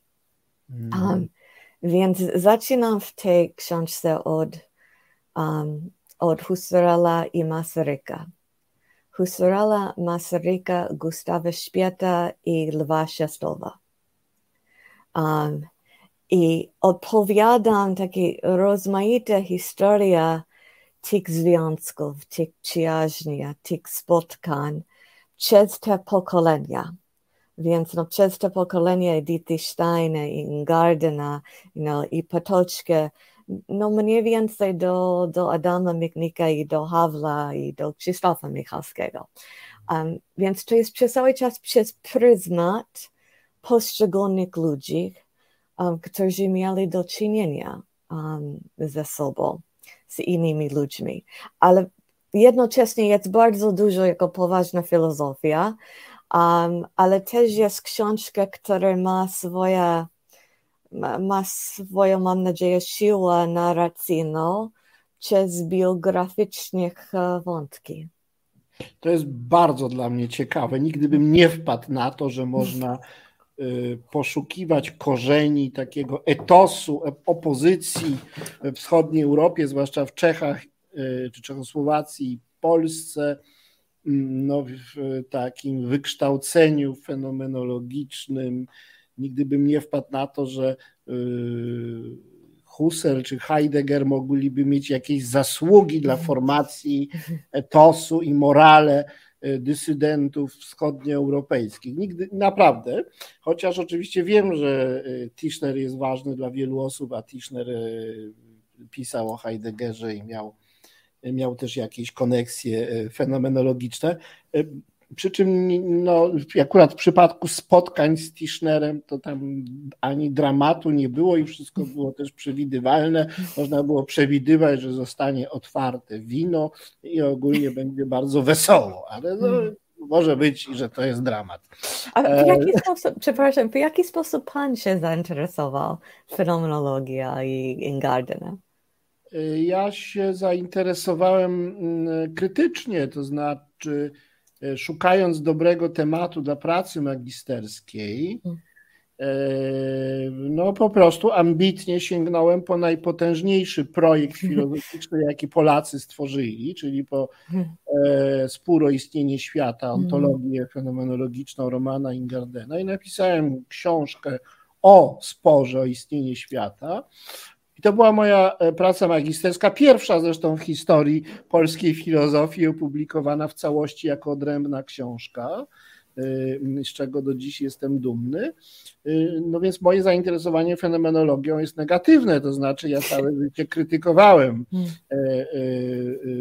fenomenologię, co nie znaczy, że nie cenię znaczenia wkładu Husserla do, do, do historii mm, filozofii. No, w przypadku Heideggera no to w ogóle nie ma o czym mówić. Ja y, nie, nie, nie akceptuję, zupełnie nie akceptuję mm. tego takiej nowo, nowomowy z inklinacjami mm, wiadomo jakimi konsekwencjami, e, ale też rozumiem fenomenologię węziej, no po prostu jako taką bardzo techniczną filozofię mm, e, epistemologiczną.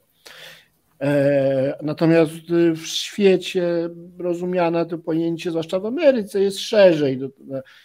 To jest taka, powiedzmy sobie, humanistyczna filozofia skupiona na ludzkim doświadczeniu. No to jest dziwne, że fenomenologia, która chciała być bardzo ścisła, wręcz chciała być tak ścisła jak matematyka, no. E, tak naprawdę zasłynęła w świecie poprzez bardzo miękkie, takie egzystencjalistyczne e, e, eseje, a czasem nawet eseje wręcz mm, ocierające się o, o, o, treść religijną, jak w przypadku Tischnera. To wielki paradoks. Musiałby się Husserl bardzo zdziwić, że mhm. słowo fenomenologia tym znaczeniu, które on mu nadał, bo słowo jest starsze, wywodzi się od Kanta, mm. e, e, że, że to, to słowo fenomenologia mogłoby znaleźć zastosowanie do mm, no, no na przykład takich opowieści typu e, Levinasa, prawda? Dla Amerykanina Levinas opowieść taka antropologiczno-teologiczna mm, o przejawianiu się inności, która wzywa do poszanowania, uznania siebie jako właśnie inności, że taka opowieść może być nazwana fenomenologiczną, e, ale dzieje się tak dlatego, że narzędzia, których używają ci e, autorzy, humaniści, tacy jak właśnie ci żydowscy teologowie, tacy ekscentryczni, e, czy katolicy pisarze, jak, jak u nas Tischner, że te narzędzia często są tej proweniencji fenomenologicznej. No ale to, dla mnie to jest pojęcie fenomenologii jest przede wszystkim bardzo wąsko, wąskie, związane mhm. z Husserlem i jego spadkobiercami takimi mm, dosłownymi, akademickimi. Y, no ale tak czy inaczej wyczekuję pani książki i na pewno ją y, y, przeczytam. Od Husserla do Michalskiego. Mm. Coś takiego to będzie. E, e, cieszę się, może coś tam o znajomych też przeczytam, o Tischnerze na przykład. Tak, e, tak bo to, ja wiem, że no, Państwo już rozumiem, jesteście wciągnięci w pewien krąg i ten krąg. Mm Widzę, że ważną osobą w tym kręgu jest właśnie Michalski, przez Michalskiego Tischner, gdzieś tam w tle Michnik, Gazeta Wyborcza. Mm. Tak, to, są te, to są te kręgi. To jest e, ważna część polskiej sceny e, intelektualnej z takimi właśnie zaszłościami, przeszłością szlachetną i, i, i dysydencką. Za chwilę zagramy ostatnią piosenkę i chciałem właśnie na kanwie tego przejść do ostatniego e, tematu rozmowy który chcę zaproponować, mianowicie no, pani się zajmuje totalitaryzmami i zajmuje się współczesnością w kontekście tych duchów przeszłości, różnych miazmatów, które do nas jeszcze docierają. I, e, i, no i wiem, że jest Pani z jednej strony bardzo wyczulona na e, totalitaryzm komunistyczny, nazistowski, antysemityzm, e, a z drugiej strony bardzo oddana, pełna podziwu dla dysydentów, takich jak Havel i e, nie wiem, u nas, no chociażby, nie wiem, Adam Michnik pewnie. E, I rozumiem, że to jest taka pewna antyteza. Są tamci i ci, i teraz są jacyś pośrodku, który dali się uwieść, a potem przeszli na dobrą stronę mocy. I moje pytanie jest takie. Myśmy tutaj w wschodniej Europie się nauczyli tak myśleć właśnie o totalitaryzmach, że są takie dwa, komunistyczny i nazistowski, i że to jest coś zupełnie wyjątkowego i szczególnego, i że to raczej się wiąże ze zjawiskami nowoczesnymi, że to jest coś nowego, aż tak mordować, aż takie zbrodnie popełniać, że to jest wykwit nowoczesności. E, no, tymczasem wydaje mi się, że to w ogóle nie wytrzymuje krytyki, to znaczy te totalitaryzmy współczesne się raczej ilościowo, a nie jakościowo różnią. Po prostu są inne narzędzia inwigilacji i mordowania, więc można robić to na większą skalę.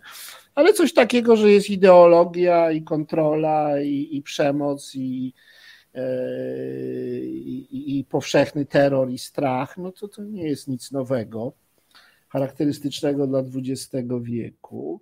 I moje pytanie jest o to właśnie po piosence. Czy pani Yy, no, popiera taką tezę, że komunizm czy, czy, czy nazizm są czymś gorszym, dajmy na to, od katolicyzmu, jakiegoś, nie wiem, wojującego islamu, no od takich właśnie totalitaryzmów dawniejszych, gdzie każdy najdrobniejszy sprzeciw yy, kończył się torturami i śmiercią, a mm, każdy był zmuszany regularnie oddawać cześć władzy, nawet gorzej władzy i bóstwu, które to władza głosi i, i każda niesubordynacja kończyła się śmiercią.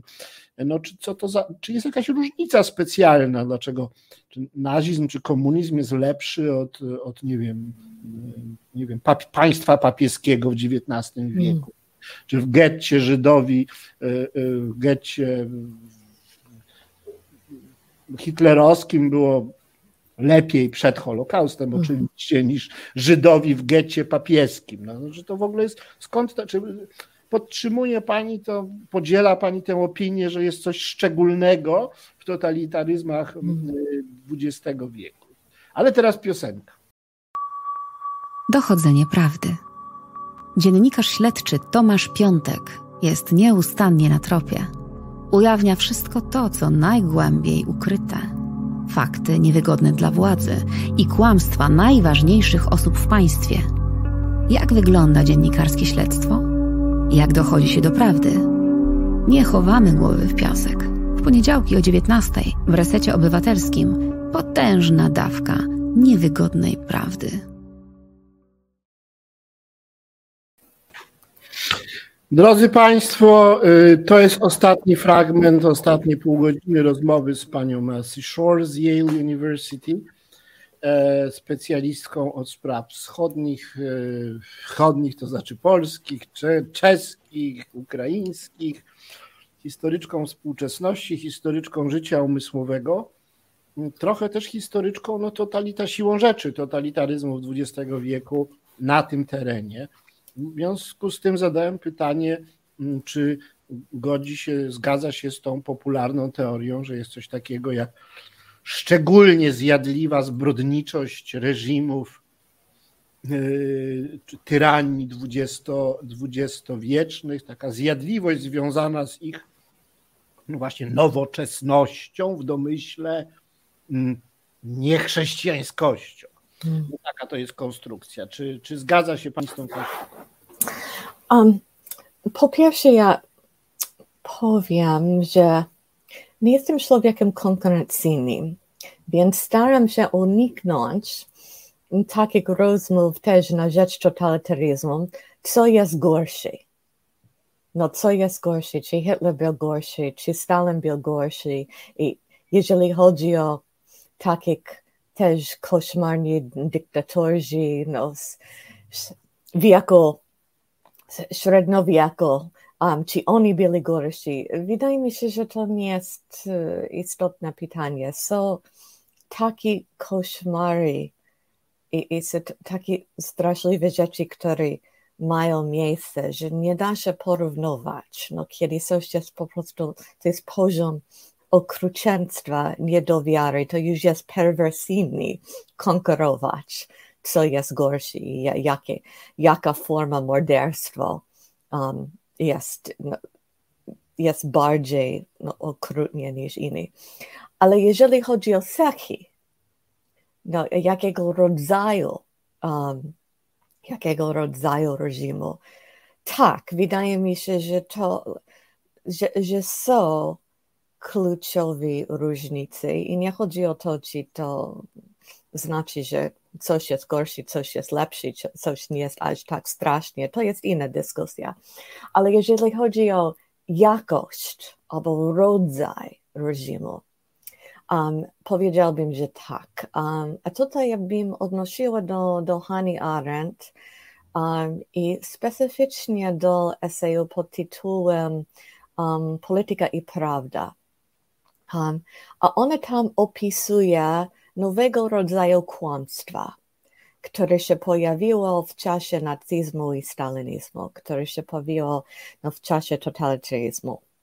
A ona mówi, że nie chodzi o to, że przedtem politycy, królowi, dyktatorzy nie kłamali. Oczywiście kłamali. Ona mówiła, że kłamstwo, takie przednowoczesne kłamstwo, to było niby um, żwa albo dziura, no, mówiąc po w stylu Ingardena, no zawsze są dziury, zawsze, zawsze są miejsca nieokreślenia. Że Arendt mówi, że zawsze, że ten staroświeckie kłamstwo było niby dziura w tkaninie rzeczywistości. I patrząc wstecz, historyk, you know, albo człowiek, który przygląda bardzo starannie, jest w stanie zobaczyć, zauważyć miejsca, gdzie, gdzie ta dziura jest. A ona opisała takie kłamstwo totalitarne jako zupełnie rekonstrukcja rzeczywistości w taki sposób, że nie ma szwa, nie ma dziury. Tak rzeczywistość, rzeczywistość jest takie zupełnie przebudowanie w taki sposób, żeby, to by, żeby narracja była zupełnie gładka i koherentna. No może być fałszywa zupełnie, ale ma swoją logikę, ma swoją koherentną logikę. Um, I że podstawowa różnica no, polega na tym, że jest taka zupełnie przebudowanie, przetworzenie rzeczywistości.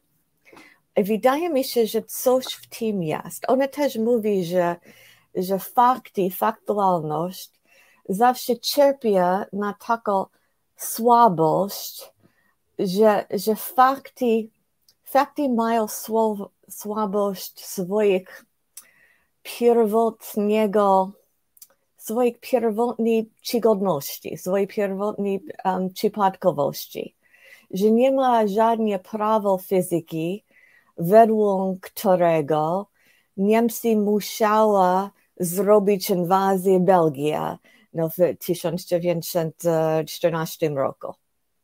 Że to było takie zdarzenia, ludzkie wydarzenia, mają swoją przypadkowość. Nie musiały być, no, ale okazało się, że się stały. Um, więc oni niby noszą słabość e, swojej oryginalnej przygodności, przypadkowości, ewentualności. Um, I że ideologia, taka totalitarna ideologia ma taką korzyść, że jest w stanie wymyśleć narrację, która jest o wiele bardziej logiczna i koherentna niż rzeczywistość. Um, bo rzeczywistość, prawdziwe życie, no ma taki problem, że jest bardzo dużo arbitralności. Jest bardzo dużo arbitralności w naszych życiach. No coś, coś ma miejsce z powodu jakiegoś malutkiego wyboru, który wydaje się nie powinno być aż tak ważne albo z powodu tego, że no, w pewnym dniu padało i z tego powodu ktoś pozostał w domu i tak dalej. Um, I że ideologia jest w stanie stworzyć rzeczywistość w taki sposób, żeby wszystko było według jakiegoś wyższego prawa. No, żeby już nie było tej bolesnie i trudnie do, do zniesienia arbitralności. No ale y, y, może Pani powiedzieć jakiś przykład? Ja nie rozumiem, dlaczego y, ideologia stalinowska miałaby być, że tak powiem, e, bardziej e, zamknięta na przygodność, przypadkowość niż ideologia katolicka. Nie rozumiem tego konceptu. Hmm. Dlaczego? Przecież, przecież ideologia katolicka opiera się na czystych fantazmatach i absolutnej, bezwzględnej konieczności. historia zbawienia jest w momencie stworzenia świata już cała zdeterminowana. Wszystko się musi zdarzyć. Nie ma takiej możliwości, żeby Chińczyk pozostawał mm. Chińczykiem, ateista ateistą. Każdy już ma swoje miejsce w piekle albo w niebie, zależnie od tego, czy jest zapisany do księgi wiary, czy będzie, czy będzie niewiernym. Tutaj nie ma, determinizm jest totalny, e, e, wolność jest tylko narzędziem Boga do tego, żeby przeprowadzić swój plan. No a w ideologii komunistycznej, no jakieś przynajmniej jeszcze jakieś miejsce dla ludzkich działań jest. No, no, proszę mi wyjaśnić, na, na czym to polega? Znaczy, y, y, dlaczego, dlaczego ideologia komunistyczna miała być jakaś bardziej, nie wiem, przerażająco obła, domknięta, nieprzemakalna, mm. przemożna, y, niedopuszczająca y, y, żadnej dyskusji, krytyki, a ideologia katolicka niby jest lepsza pod tym względem? Ja nie rozumiem hmm. tego, w ogóle tego nie widzę. No to jest, to jest bardzo dobre pytanie i pewnie jest, jest dużo historyków, no, którzy piszą na ten temat, że właśnie jest bardzo podobny, że da się porównywać. Um, to też chodzi o to, czy dany człowiek uważa, że ta rola rozumu, ta rola nauki, um, że to, że przez to dziedzictwo oświecenia i przez ten kultur rozumu, że te prawa, niby prawa historyczne odegrają w narracji inną rolę niż po prostu wola Boga bo można powiedzieć, że, że no to jest wola Boga. Po prostu no musimy, musimy się podać, bo to jest wola Boga. I ta wizja, historia według tych praw, które istnieje niby nawet poza wolą Boga, czy to tworzy inna sytuacja. Ale oczywiście też są podobieństwa. No, a też ja, da się porównywać. Różnicę, chociaż jedną różnicę. No, zasada jest taka: musi zapanować wszędzie chrześcijaństwo. Wszystkie ludy muszą się ukorzyć przed e, e, powracającym na ziemię e, Mesjaszem, który, którym jest, okazał mm. się pewien robotnik budowlany z z Galilei. Mhm. No i to jest konieczność. Mhm. Konieczność historyczna jest absolutna. Nie ma nic tutaj, nic nie mhm. możemy z tym zrobić. To jest opatrzność, to jest plan zbawienia, to jest historia święta. Y, y, człowiek dostał zadanie takie, żeby Kościół upowszechnić na całej ziemi, żeby przestali być Chińczycy Chińczykami, e, muzułmanie muzułmanami każdy przestał być sobą, a zostali chrześcijanami. A w komunizmie jest tak, że wszyscy mają zrozumieć, że y, celem społeczeństwa, społeczności świata, całej ludzkości jest bezklasowe, równościowe społeczeństwo, w którym wszyscy razem pracują i dzielą się owocami swojej pracy, a nie ma własności prywatnej. No, no i komuniści mówią, że to tak musi być, a my musimy to przyspieszyć. Mm. I to jest ideologia. Katolicy mówią, że tak musi być, że mm. przyjdzie Jezus i będzie nad wszystkimi rządził. Absolutnie, bo mm. Jezus nie jest. E, e, konstytucyjnym monarchą, tylko, tylko monarchą tak straszliwie mm. absolutnym, że świat takiego nie widział. E, a poddaństwo jest niewyobrażalnie, że tak powiem, intensywniejsze niż poddaństwo wobec jakiegokolwiek realnego tyrana. Więc mm. proszę o różnicę, a nie o podobieństwo. Mm. Podobieństwa to, to jakby są oczywiste, tylko czy jest jakaś różnica. Bo ja do, jak pytam o różnicę, to zawsze słyszę, że mm, nie wiem, obozy koncentracyjne i komory gazowe. No przepraszam, no nie było gazu, nie było samochodów, różnych rzeczy nie było, jakby no. były, to by się stosowało. No ale Kościół nie dysponował komorami gazowymi, no dysponował drutami i murami, no to mógł tworzyć getta. No, mm. no więc no, no robił co mógł. To nie, pewnie, że tak intensywnie nie zabijał, ale zabijał, przyzna pani jako historyczka, no grubymi milionami przez kilkanaście stuleci. Mm. Ja proszę o różnicę. To jedna podstawowa różnica, wydaje mi się, że to chodzi o, o, o rolę nauki i o rolę nauki, która jest dziedzictwo oświecenia i które doprowadziło do, do takiej próby inżynierii, inżynieria no, spo, um, które no, okazało się no, oczywiście fatalnie, ale ten cały radziecki eksperyment to był eksperyment, czy da się nie tylko zmienić, zrobić no, inną władzę, inny system polityczny i nie tylko no, czy można you know, zmienić społeczeństwo, ale czy można przetworzyć no, i wymyślać na nowo ludzi. Um, i, i sama skala tego eksperymentu i sama skala porażki tego eksperymentu. Wydaje mi się, że jeszcze nie do końca złapaliśmy no, znaczenie tego. I dzisiaj oglądamy w pewnym sensie na, na wnioski tego. Ten cały eksperyment bolszewicki, że można wykonać taką inżynierię na, na ludzkie duszy. A, a dlaczego? A przecież Kościół nie twierdzi, że chrześcijanin nie jest nowym człowiekiem, jest nieskończenie nowym człowiekiem. Mm. No to, to, to, nie jest inżynieria, jeżeli się od, od, od, od urodzenia urabia mm. człowieka na nowego człowieka, lepszego, wyższego, no chrześcijanina. No przecież no chyba żaden katolik nie, nie, nie, nie wydusi z siebie twierdzenia, że chrześcijanin nie, nie, nie, nie przewyższa niechrześcijan. No, mm. Przewyższa od samego chrztu, otrzymuje specjalne łaski, moce i cnoty. No, oczywiście lepiej być chrześcijaninem niż niechrześcijaninem. No, chrześcijanie górują, ale trzeba ich zrobić. No, to nie jest inżynieria. Cały system wychowawczy, propagandowy, nastawiony na to, żeby wszyscy, jak najwięcej ludzi wszech, wszech ziem i wszech nacji byli chrześcijanami. Gdzie tu jest różnica? Ja, ma, czasami ja powiem swoich studentom, że ta cała historia nowoczesności to jest wysiłek, by zastąpić Boga. No, że przez cały czas szukaliśmy czegoś, żeby, być, żeby się znajdować na tym miejscu Boga. I postmodern nowoczesności zaczyna w momencie, kiedy zrezygnujemy z tej próby, by zastąpić Boga i mówimy, że nie ma żadnego Boga, ani nie ma żadnego ersatz Boga, ani nie ma, nie ma żadnego niczego, który mógłby odgrywać tę rolę Boga.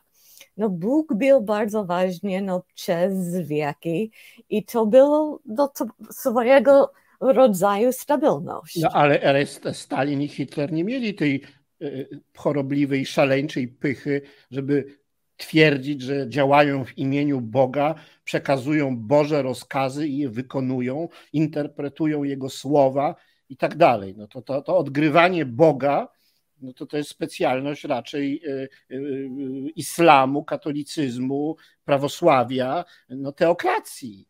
To jest dopiero odgrywanie Boga. Ja tutaj jestem z nadania Boga, ja mhm.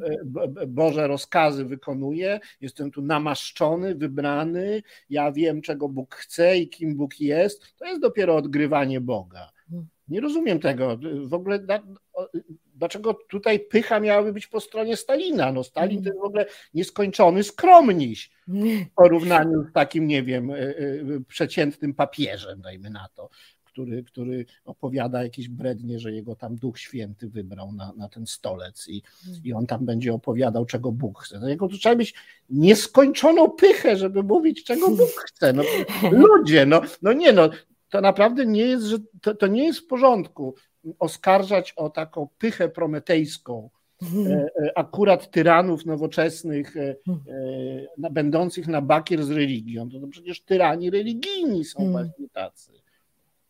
Ja nie chciałabym obronić tę tyranię religijną.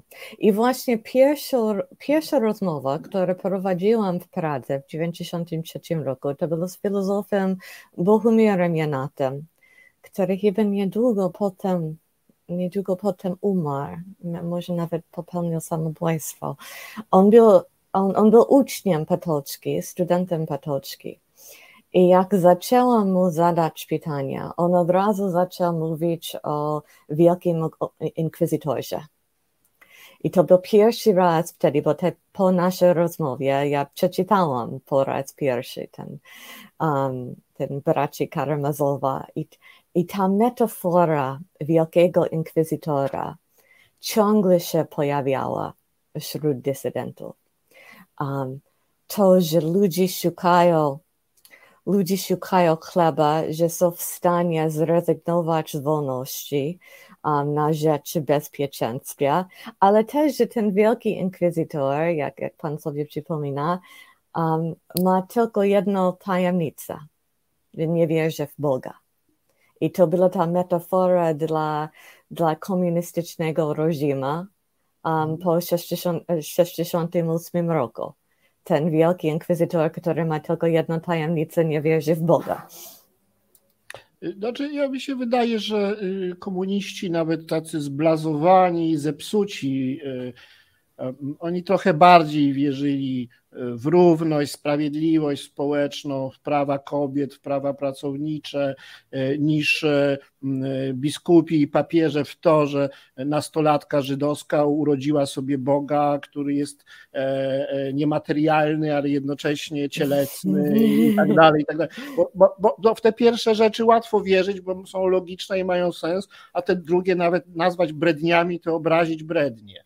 To jest po prostu jakiś absurd, więc nie, nie, nie sądzę, żeby jakiś papież czy biskup wierzył w te jakieś chore opowieści, no bo to są po prostu jakieś absurdy, że świat został stworzony przez zespół trzech osób, dwóch, material, dwóch niematerialnych i jedną materialną, prawda?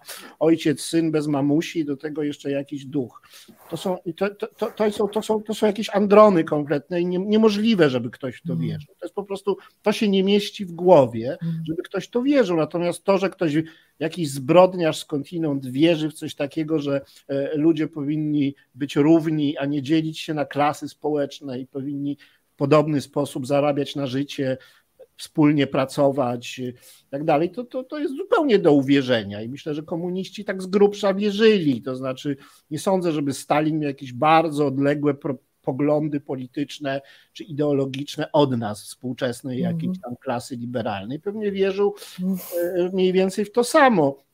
My też wierzymy w sprawiedliwość społeczną, w równość, chociaż pewnie nie wierzymy, że będzie jakiś taki komunizm. Komunizm jest zresztą, jak wiemy, wynalazkiem mhm. katolickim, a nie, a nie jakimś tam ateistycznym.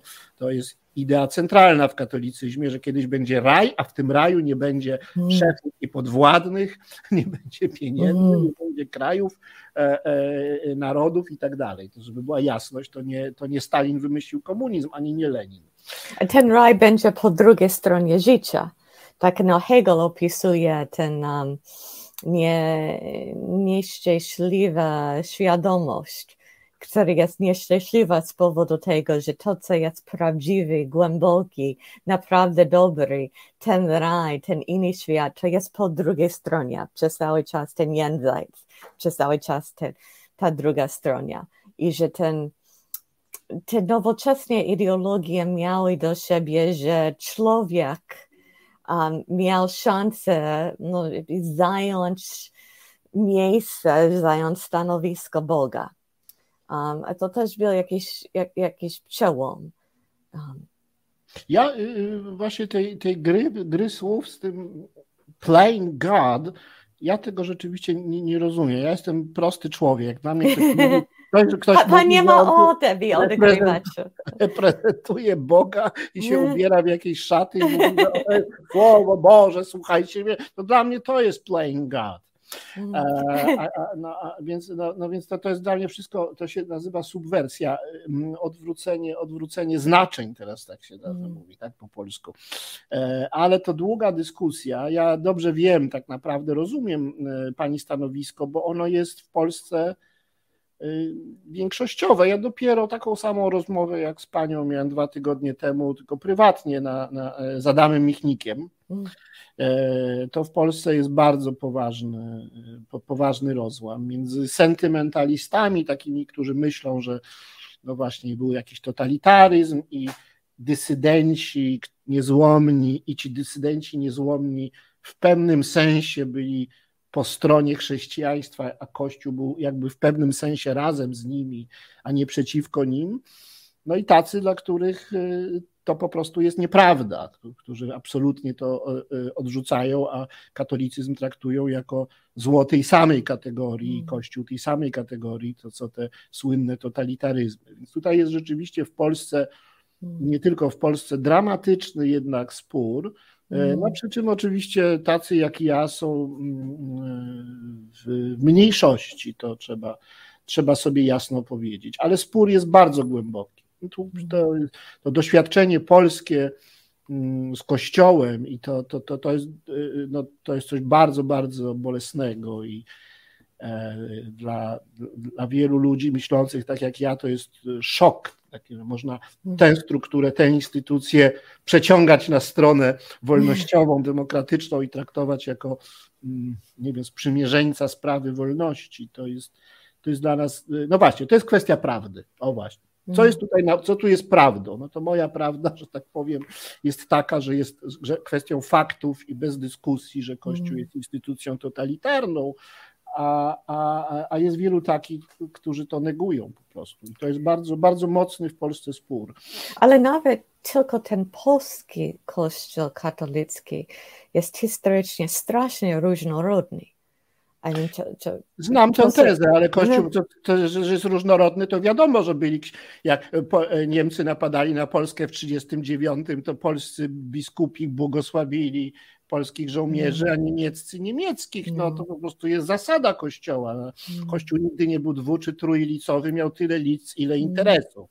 Natomiast strukturę ma jedną, wiadomo jaka jest e, e, polityka całej instytucji i jej, jej, centrum, jej głowy. No więc, ale przez to, że jest właśnie taki wielolicowy, to można mówić, no Kościół nie był w koalicji hitlerowskiej podczas wojny, a bo ksiądz na tam jakiejś parafii przechował Żyda, prawda? I mm. już od razu można ten, no ale to to właśnie jest zakłamywanie rzeczywistości. No, liczy się to, co robił Watykan, to, co no. jest linią całej organizacji, całej instytucji.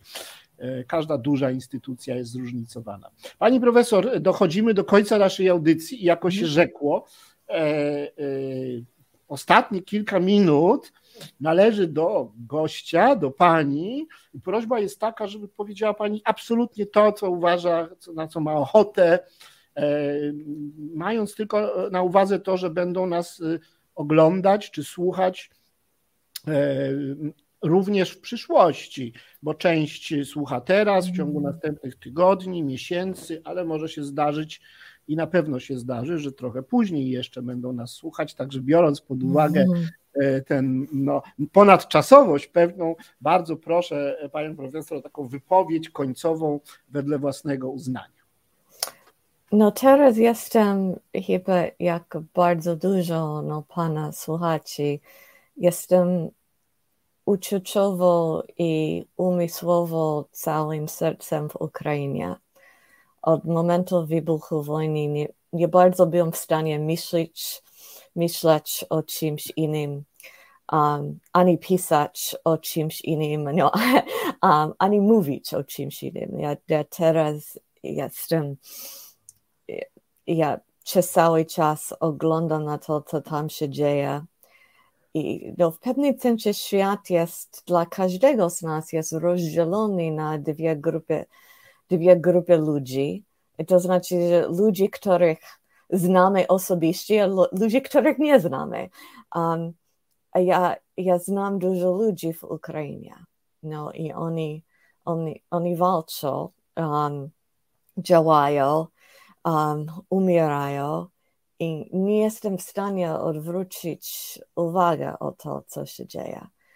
Tak, to jest dla mnie, to jest zdecydowanie koniec, końca historii, no, według Fukuyama, to jest koniec tej całej narracji, no, które mieliśmy po upadku komunii. Um, I ja mam poczucie, że los całego świata no teraz leży w rękach tych ludzi, którzy tam są. Um, jestem przerażona, jestem pełnym podziwem. Um, staram się zrozumieć, no, jak, jak tylko mogę, co się tam dzieje. Um, I ciągle jako wracam do tego, że no jestem historykiem, no pan zadaje bardzo dobre pytanie, być może nie byłam jako umysłowo dzisiaj w stanie dosyć precy precyzyjnie odpowiadać, ale teraz zadaję, zadaję sobie bez przerwy pytania, że jak to jest, że po, po tylu z tylu wiedzą i zrozumieniem terroru, totalitaryzmem, zła, jak to jeszcze nie jesteśmy w stanie za, zatrzymać to. No moja córeczka, która ma 9 lat, ona, o, o, dzieci bardzo dobrze niestety, może niestety wiedzą, co się tam dzieje. Oni byli w Ukrainie, oni znają naszych przyjaciół i studentów i doktorantów tam. I oni ciągle no, zadają takie pytania. I ja jej wytłumaczyłam, że no, rozumiemy bardzo dużo, jeżeli chodzi o to, co to znaczy faszyzm, jak działają takie reżimy, jak, jak reżim Putina, um, jak, jak, jak, jak działają ludobo, przypadki ludo, ludobójstwa i tak dalej, ale nie jesteśmy w stanie zatrzymać, jak to jest. Jak to jest, że dzisiaj, w XXI stuleciu, oglądamy na wszystko na żywo. Dziennikarze ciągle mnie pytają, jak, jaka to jest różnica między tym, co się dzieje teraz, a II wojną światową. A ja mówię, że, że różnica polega na internecie. Ja mam poczucie, niby się znajdowałam w 1942 roku, ale teraz internetem i można oglądać wszystko na żywo. Niech pan wyobrazi sobie, że, że można było no, odwozić komputer no, i to był jakiś live stream do, do komory gazowej. I teraz oglądamy wszystko w rzeczywistym czasie. I jak to jeszcze oglądamy na wszystko w rzeczywistym czasie, a nie jesteśmy w stanie zatrzymać to. No, oglądamy na czyste zło. A jak możemy być aż tak bezradni? I też wobec tego, że tylu ludzi, tylu ludzi pomaga i stara się zrobić coś dobrego.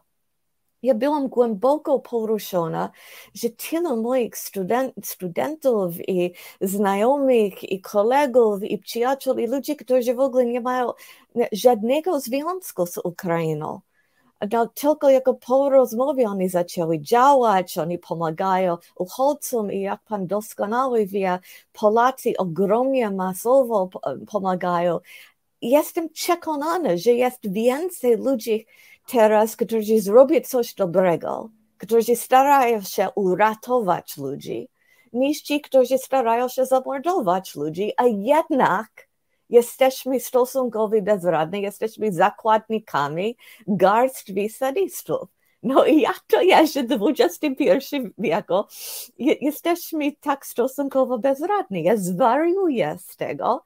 Um, ja oglądamy, wracając do fenomenologii, ja, wydaje mi się, wszystko jest nam dane. Tak? Oglądamy na wszystko. Fenomenologia polega na tym, no, czy, moż, czy, czy możliwe jest jakieś czyste widzenie. No i teraz mniej więcej mamy takie czyste widzenia, wszystko jest dane, dane nam do przeżycia, oglądamy na to wszystko, widzimy, widzimy to jest zło, a wiem, że oglądamy na zło i jednak jak to jest, że jednak y, jesteśmy stosunkowo bezradni. Ja, ja jestem zdeterminowany, że musi być jeszcze coś, no, którego jeszcze nie wymyślaliśmy. No, musi być możliwe jeszcze coś robić, które no, ja jeszcze nie, ja, ja jeszcze nie pomyślałam, a my wszyscy jeszcze nie pomyśleliśmy, ale jestem zdeterminowany, że musimy to znaleźć, bo ja, ja mam dzieci, jak chciałbym wierzyć, że jednak da się ten nasz smutny świat uratować.